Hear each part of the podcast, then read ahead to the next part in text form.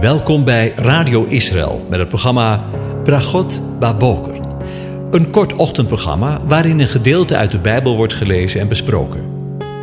Met Bragot Baboker wensen onze luisteraars zegeningen in de ochtend. Presentator is Kees van de Vlist.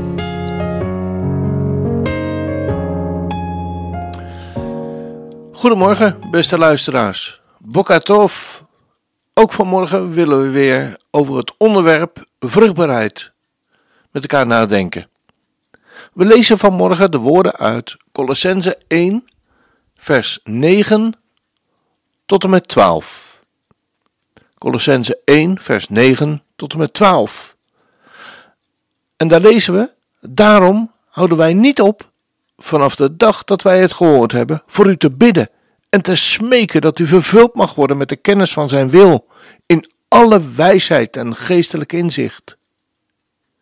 Zodat u wandelt op een wijze de Heere waardig, hem in alles behaagt, in elk goed werk vrucht draagt en groeit in de kennis van God. Terwijl u met alle kracht bekrachtigd wordt, overeenkomstig de sterkte van zijn heerlijkheid, om met blijdschap in alles te volharden en geduld te oefenen. Daarbij danken wij de Vader, die ons bekwaam gemaakt heeft om deel te hebben aan de erfenis van de Heilige in het licht. Hij heeft ons, jou en mij, uit de macht van de duisternis getrokken en overgezet in het koninkrijk van de Zoon van zijn liefde. In Hem hebben wij de verlossing, door zijn bloed, namelijk de vergeving van de zonde van jou en van mij. Gisteren hebben we kort stilgestaan in Genesis dat vruchtdagen Gods doel is voor jou en mijn leven. In de nieuwe schepping, door Jezus Christus of Yeshua HaMashiach, worden de oorspronkelijke doelen van God hersteld.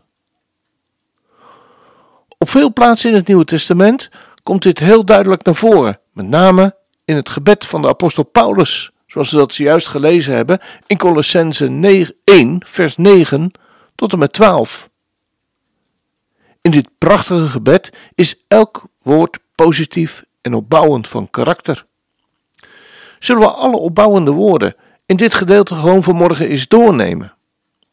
Allereerst bidt Paulus en hij smeekt God erover, de christenen in Colosse, dat ze vervuld mogen worden met de kennis van Gods wil. Het is niet zo dat ze ergens, diep van binnen, een beetje kennis van Gods wil zullen hebben. Nee, ze zullen ermee vervuld zijn, zegt het woord. Dit gebeurt in alle wijsheid en geestelijk inzicht. Zoals we lezen in vers 9. En niet een klein beetje wijsheid en geestelijk inzicht, maar alle wijsheid en geestelijk inzicht. Vervolgens bidt hij dat ze een leven mogen leiden dat God in alles behaagt. Niet ehm, zo af en toe maar eens een beetje plezier doen, maar hem echt in alle dingen eren. Hij bidt dat ze vrucht mogen dragen in elk goed werk, zegt vers 10. Dat is de honderdvoudige groei in de kennis van God. En dan bidt hij dat ze met alle kracht gemaakt worden naar de sterkte van zijn heerlijkheid. In vers 11. Niet een beetje kracht, maar alle kracht. Met het resultaat dat ze in alles zullen volharden. Zoals we lezen in vers 11 ook. Volharding of doordenkingsvermogen was een van de sleutelwoorden in de gelijkenis van de zaaier. In het gelezen gebed van vanmorgen horen we doorklinken dat Hij voor ons bidt dat we vol geduld, volharding, dankbaarheid en blijdschap zullen zijn. Hij besluit met de woorden dat God de Vader ons bekwaam gemaakt heeft om deel te hebben aan de erfenis van de Heilige in het licht. Wat geweldig hè, als je daar werkelijk eens diep over nadenkt. Even, gewoon even bij stilstaan. God heeft voorzien in alles wat nodig is om binnen te gaan in onze erfenis, het koninkrijk van het licht. Zijn wil is voor altijd vastgelegd in Gods woord. Hij wil dat je vruchtbaar bent, dat ik vruchtbaar ben. Hij wil dat wij vruchtbaar zullen zijn, dat we vrucht mogen en zullen dragen en dat we Hem in alles zullen behagen. Oei, dan ben ik daar nog soms ver van af. Maar Hij houdt vast aan zijn doel. Hij heeft ons ook bekwaam gemaakt, staat er. Dus geschikt gemaakt om dit te doen. Ongelooflijk, hè? Dank u, Heer, dat deze prachtige woorden ook voor mij zijn. Wilt u ons vullen met de kennis van uw wil, met alle wijsheid en geestelijk inzicht, zodat we mogen eren, u mogen eren, in alles wat we doen en spreken. We bidden dat we in elk goed werk vrucht mogen dragen, omdat u ons met alle kracht krachtig maakt, zodat we kunnen volharden en geduldig mogen en kunnen zijn. Een liedje van de tekst luidt: Mijn vader, dank u wel dat u steeds bij me bent, al mijn gedachten en verlangens kent, dat u zo stil en rustig en begrijpend bent. Mijn vader, dank u wel. Ik dank u dat u uw hand mij steeds behoedt en leidt, dat u mij wilt bewaren in de felste strijd voor troost die u mij geeft in onzekerheid. Mijn vader, dank u wel. Ik dank u voor de diepe vrede en de rust, voor vreugde en voor blijdschap en voor levenslust. Ik dank u dat u zelf nu heel mijn leven vult.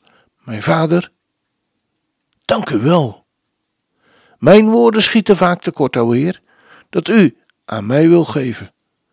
Dat is toch veel meer. Ik ervaar uw diepe rijkdom en geluk steeds meer.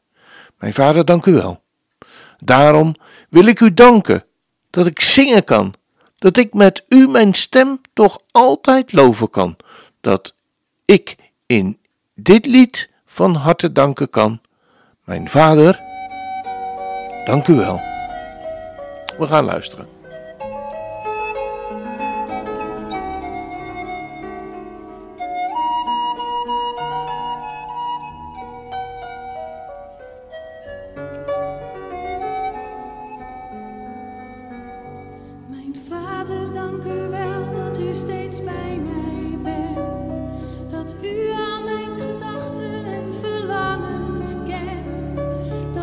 Zo stil en rustig en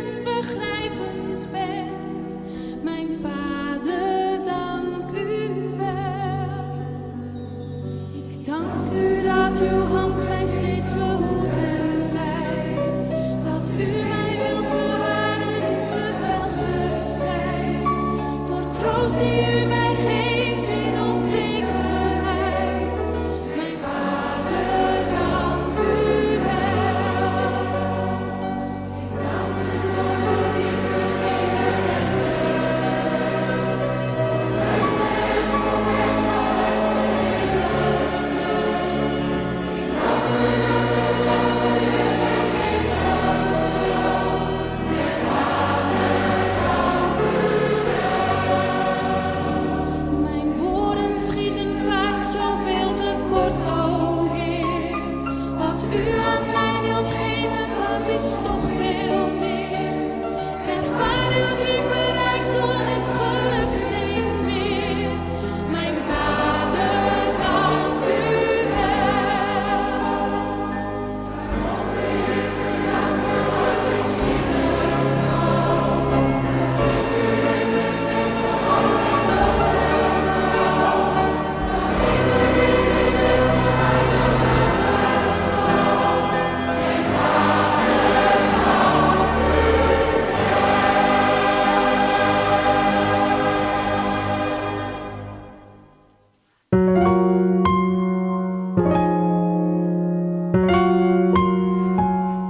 U hebt geluisterd naar het programma Bragot Baboker.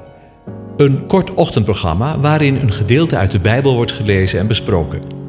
Wilt u het programma nog eens naluisteren, dan kan dat. Ga naar radioisrael.nl en klik onder het kopje radio op Uitzending gemist.